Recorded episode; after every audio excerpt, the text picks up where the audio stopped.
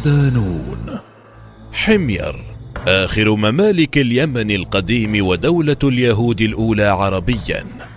مقال لرند عطية ضمن ملف ممالك العرب. لم تتمتع مملكة بنفوذ عسكري وسياسي في اليمن كما كانت عليه مملكة حمير. فعلى مدار أكثر من خمسة قرون كاملة ظلت القوة المهيمنة في شبه الجزيرة العربية القديمة كما كانت أكثر الشعوب العربية عددا وأشهرها لدى الكتاب العرب والمستشرقين على حد سواء. وقد تمكن فريق أثري سعودي فرنسي عام 2014 من اكتشاف نقش عربي طويل على صخرة مستطيلة تحكي عن الملك اليمني يوسف اليهودي.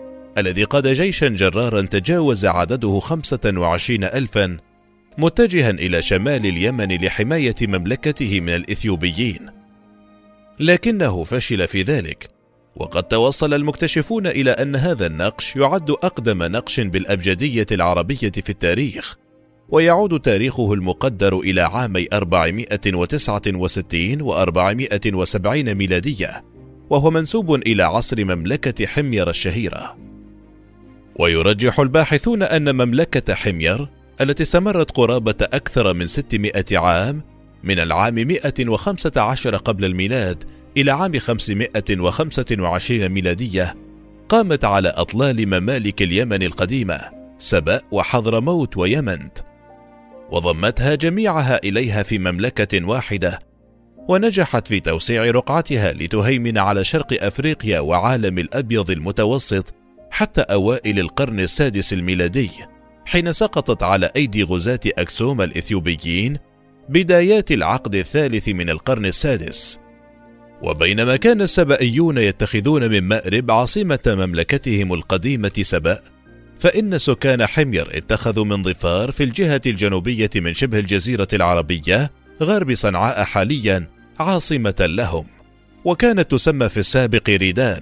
واستطاعوا أن يحولوها مع مرور الوقت إلى واحدة من أهم العواصم العربية على مدار سنين طويلة حيث كانت تتمتع بثقل سياسي وعسكري واقتصادي وديني كبير. على أطلال ممالك اليمن الحميريون فرع من قبائل سبأ كانوا يقطنون ريدان قديما حتى سنحت لهم الفرصة وتغلبوا على إخوانهم السبائيين أو اتحدوا معهم في نهاية دولتهم ثم انتقلوا بعد ذلك إلى ظفار بمحافظة إبلاحقا والتي اتخذوها عاصمة لهم فيما بعد وبدأوا من هناك في بناء مملكتهم الجديدة التي سموها حمير. وعن سبب تسميتها بهذا الاسم يشير الباحثون إلى أن ذلك يرجع إلى الملك حمير نفسه ابن سبأ بن يشجب ابن يعرب ابن قحطان أول من توج بالذهب وحكم قرابة خمسين عاما وأنجب ستة أبناء ومنهم تفرعت قبائل مملكة حمير. حيث كان يرتدي حلة ذات لون أحمر وقد لقت شهرة كبيرة بين أبناء القبائل فأطلقوا على المملكة حمير. وهناك روايات أخرى تشير إلى أن لفظة حمير جاءت في الكتابات المسندية وتعني التحالف القبلي أو التجمع في إشارة إلى أن ملوك حمير كانت تتم تسميتهم بتبع أي يتبعون بعضهم بعضا.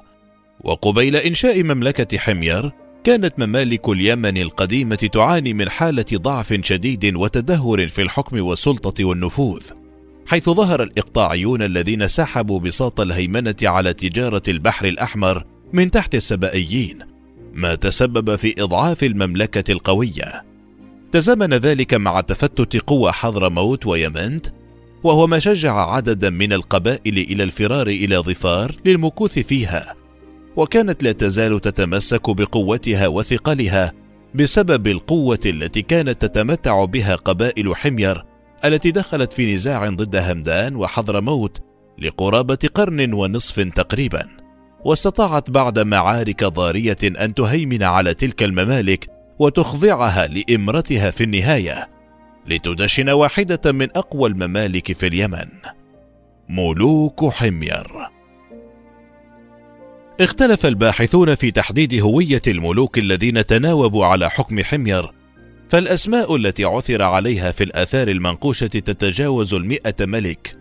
إلا أن كثيرا منهم لم يستدل على فترة حكمه ولا الإسهامات التي تمت في عصره. وهو ما دفع بعض المؤرخين في النهاية إلى تقسيم ملوك حمير إلى قسمين كما ذكر جورجي زيدان في موسوعته العرب قبل الإسلام. القسم الأول يسمى ملوك الطبقة الأولى وهم ملوك سبأ وذوريدان الذين حكموا من عام 115 قبل الميلاد حتى عام 275 ميلادية. وأبرزهم علهان نعفان حكم بين 115 إلى 80 قبل الميلاد. شعر وتارا ابن علهان الذي حكم بين 80 و 50 قبل الميلاد وبريب أيمن ابن علهان الذي حكم بين 50 و 35 قبل الميلاد وكرب إيل وتار الذي حكم بين 30 و 75 ميلادية وهل أيل يحز بين 145 و 170 ميلادية. أما القسم الثاني فيسمى ملوك الطبقة الثانية وهم ملوك سبأ وريدان وحضرموت وغيرها والذين حكموا فترة 275 إلى 525 ميلادية.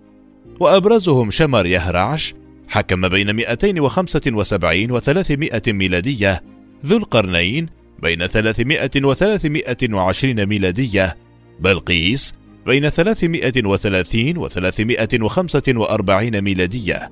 أبو كرب أسعد بين 385 و 420 ميلادية. شرحبيل يعفر بين 425 و 455 ميلادية. وذو نواس وذر نواس بين 515 و 525 ميلادية.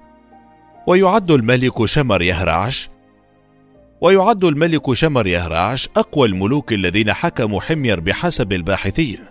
فرغم أن حكمه لم يدم أكثر من 25 عاما إلا أنه حقق فتوحات كبيرة حيث وطأ أرض العجم وفارس وخراسان وافتتح مدائنها وهو من أسس مدينة سمرقند الشهيرة والتي كانت تسمى قديما شمركند نسبة إليه.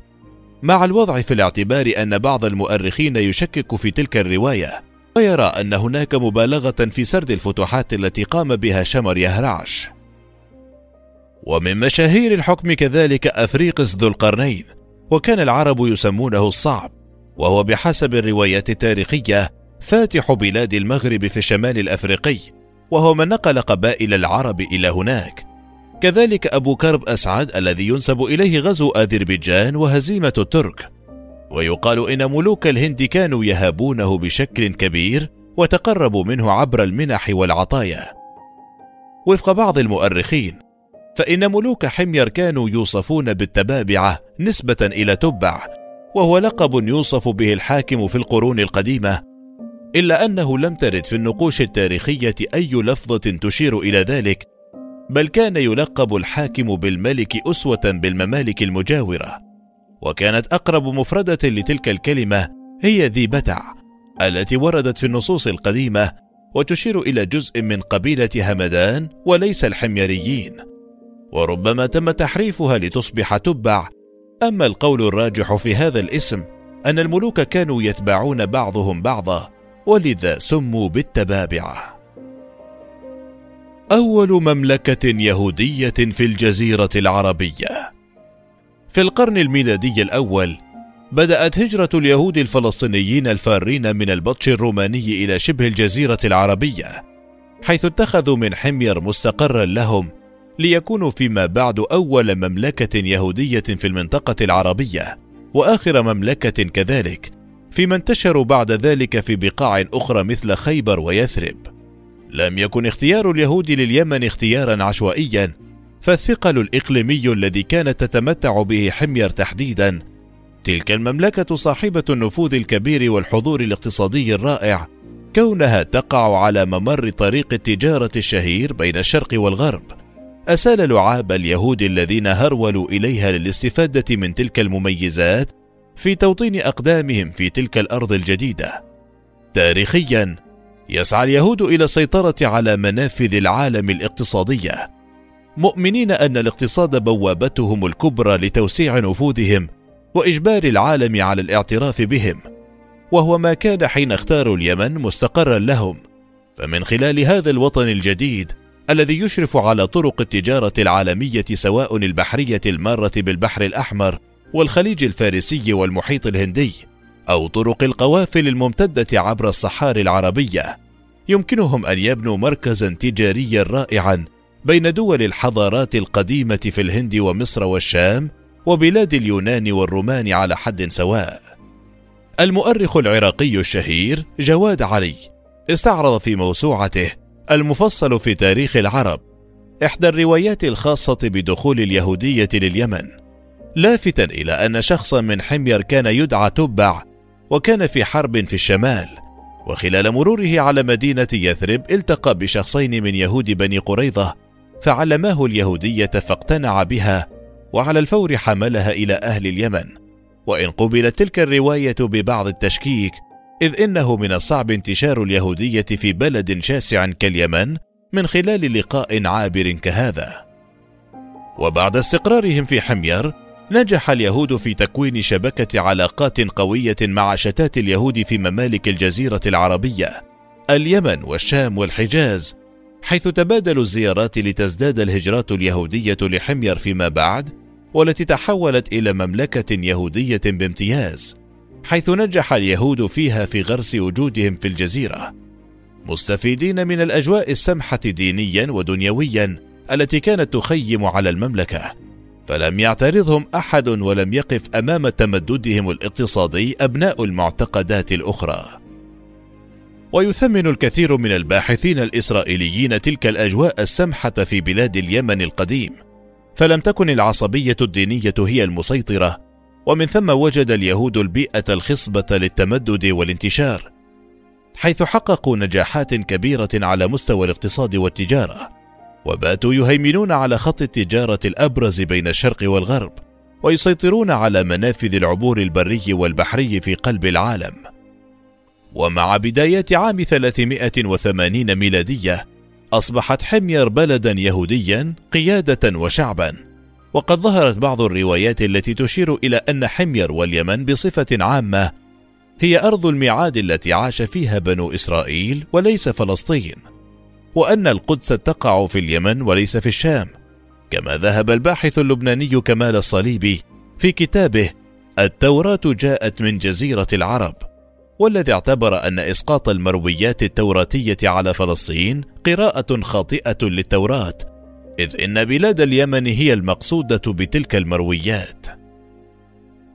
هذا التمدد اليهودي أثار حفيظة النصارى الحبشة والدولة البيزنطية أي الروم، والتي كانت تنصب نفسها في ذلك الوقت حامية للكنيسة الشرقية والمسيحيين في بلاد العرب، خاصة بعد تشريع حمل السلاح للدفاع عن حمير في مواجهة الدول المسيحية وحلفائها في المنطقة. ما حول الأزمة من صراع ديني إلى صراع نفوذ اقتصادي وسياسي. ووصل تغول اليهودية في حمير إلى استعداء المسيحيين، ما دفع الملك اليمني حينها والذي كان يدعى يوسف أثأر يثأر وشهرته يوسف اليهودي إلى شن حملة استهداف واسعة ضد المسيحيين، فأحرق كنيسة ظفار وقتل قساوستها، ثم أحرق كنيسة بلدة المخاء الساحلية في تهامة، ثم توجه بعدها إلى حصن مادبان، والذي منه سمي مضيق باب المندب، كما أمر بعض جنوده بالتوجه إلى نجران عام 522 ميلادية، وقتل ما بين 2020 ألف مسيحي. فيما أوقد الناس في أخدود عميق هناك وهدد بإلقاء أي مسيحي لا يرتد عن دينه ويدين باليهودية. وعقب ورود تلك الأنباء إلى إمبراطورية بيزنطة أمر على الفور بتجيش جيش قوامه سبعون ألف مقاتل والتوجه فورا إلى اليمن. وحين وجد يوسف اليهودي هذا الجيش الجرار لم يستطع المقاومة فانتحر بفرسه في البحر. لتسقط اليمن في أيدي الرومان مرة أخرى ويفرض الأحباش سيطرتهم على الممرات التجارية في البحر الأحمر معلنين سقوط آخر ممالك اليمن عام 525 526 ميلادية. الاقتصاد والفنون والعمارة تتميز مملكة حمير كبقية ممالك اليمن بالطرز المعمارية الفريدة، وهو ما توثقه النقوش والرسومات الموجودة على الجدران حتى اليوم، إذ لا تزال الكثير من المعالم المتواجدة في مدينة تلا بمحافظة عمران شمال غرب صنعاء شاهدة على ما كانت تتمتع به تلك الحضارة من رقي وتقدم. وكما قال المؤرخ العظيم ابن خلدون في مقدمته: إن العنصر الرئيس للحضارة هو إنشاء المدن وبناء البلدان والأمصار. فإن القصور والمعابد والحصون والقلاع التي شهدتها مملكة حمير والنمط المعماري المتفرد الذي كانت عليه أكبر دليل على أن تلك البقعة الجغرافية كانت حضارة مكتملة الأركان. وكشفت الرسوم الجدارية والنقوش التي عثر عليها أن بعض الطوابق في ممالك اليمن القديمة كانت تتعدى عشرين طابقا هذا بخلاف انتشار القصور كما هو حال قصر سلحين في مأرب وغمدان في صنعاء وهي القصور التي خضعت في النهاية لمملكة حمير وأدخلت عليها الطرز المعمارية المتفردة في ذلك الوقت. ورافق التقدم العمراني تقدم آخر في مجال الفنون والإبداع حيث تميز الحميريون بنحت التماثيل والنقوش بجانب اشتهارهم بالرقص الذي كان سمة حضارية في ذلك الوقت. وكانت كل مملكة تتميز برقصة خاصة بها كأحد معالمها الثقافية فهناك الرقصة التهامية والرقصة الهمدانية والحارثية واليافعية والمأربية والظفارية. وكانت كل منها تختلف في الحركات والموسيقى المستخدمة وتعبر عن قبيلة بعينها.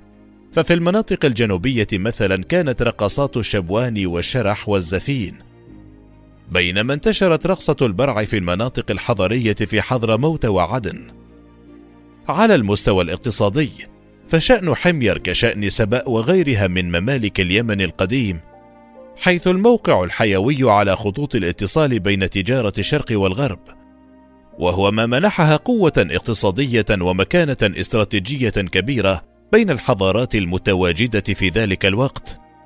وبحسب المدون في كتاباتهم القديمة، كان الحميريون يتاجرون بالبخور واللبان والصمغ، ولعل هذا كان السبب الرئيسي في استيطان اليهود للمملكة وإسالة لعاب الممالك الأخرى. سقوط آخر ممالك اليمن قبل الإسلام. يجمع الباحثون على أن سقوط حمير كان على أيدي الرومان والحبشيين. ردا على تغول اليهودية في المملكة والانتهاكات المرتكبة بحق المسيحيين. حيث كانت الدولة البيزنطية في ذلك الوقت هي ممثل الكنيسة الشرقية وحامية المسيحيين العرب لكن لم يكن ذلك هو السبب الوحيد لهذا السقوط المدوي إذ أن مملكة بتلك القوة والعتاد والثقل من الصعب أن تنتهي بهذه الطريقة. وهنا يرجح المؤرخون وجود أسباب أخرى وراء انهيار المملكة، بعضها إداري والآخر بيئي. الأول يتعلق بضعف الحكام وتفتت القبائل وانتشار النزاعات بينهم، وتمدد رقعة الصراعات على مناطق النفوذ والموارد، ما تسبب في النهاية في إضعاف المملكة بشكل كبير. ما أعطى الممالك الأخرى الضوء الأخضر للانتقام. وعلى الجانب الآخر هناك عامل بيئي لا يقل أهمية عن العوامل السابقة، فوفقا للدراسة التي أعدها أستاذ جيولوجية الزمن الرابع في جامعة بازل السويسرية دومينيك فليتمان ونشرت في مجلة ساينس في السادس عشر من يونيو حزيران 2022 فإن التغيرات المناخية التي شهدتها شبه الجزيرة العربية لا سيما الجفاف الشديد كانت سببا رئيسيا في سقوط حمير. الدراسة تستند في مضمونها على سجل هطول الأمطار ودرجات الحرارة في جنوب شبه الجزيرة العربية خلال القرن السادس الميلادي، لافتة إلى أن الجفاف الذي تعرضت له في ذلك الوقت أفقد حمير مقوماتها الاقتصادية، خاصة أنها بلاد قائمة على الزراعة والرعي والتجارة، وأن حبس المياه عنها وتعرضها للجفاف يعني هدم تلك المرتكزات الاقتصادية المهمة، ما ساهم في النهاية في انتشار النزاعات القبلية والصراعات للحصول على الموارد الشحيحة، ووقوع السكان بين ثنائية الجوع والحرب، حيث ربط معد الدراسة بين موجات الجفاف التي تعرضت لها المنطقة والتغيرات الاجتماعية والسياسية التي حدثت لها ما أدى في النهاية إلى انهيار تلك المملكة. وهكذا استمرت مملكة حمير طيلة خمسة قرون كاملة متربعة على عرش الجزيرة العربية سياسيا وعسكريا واقتصاديا.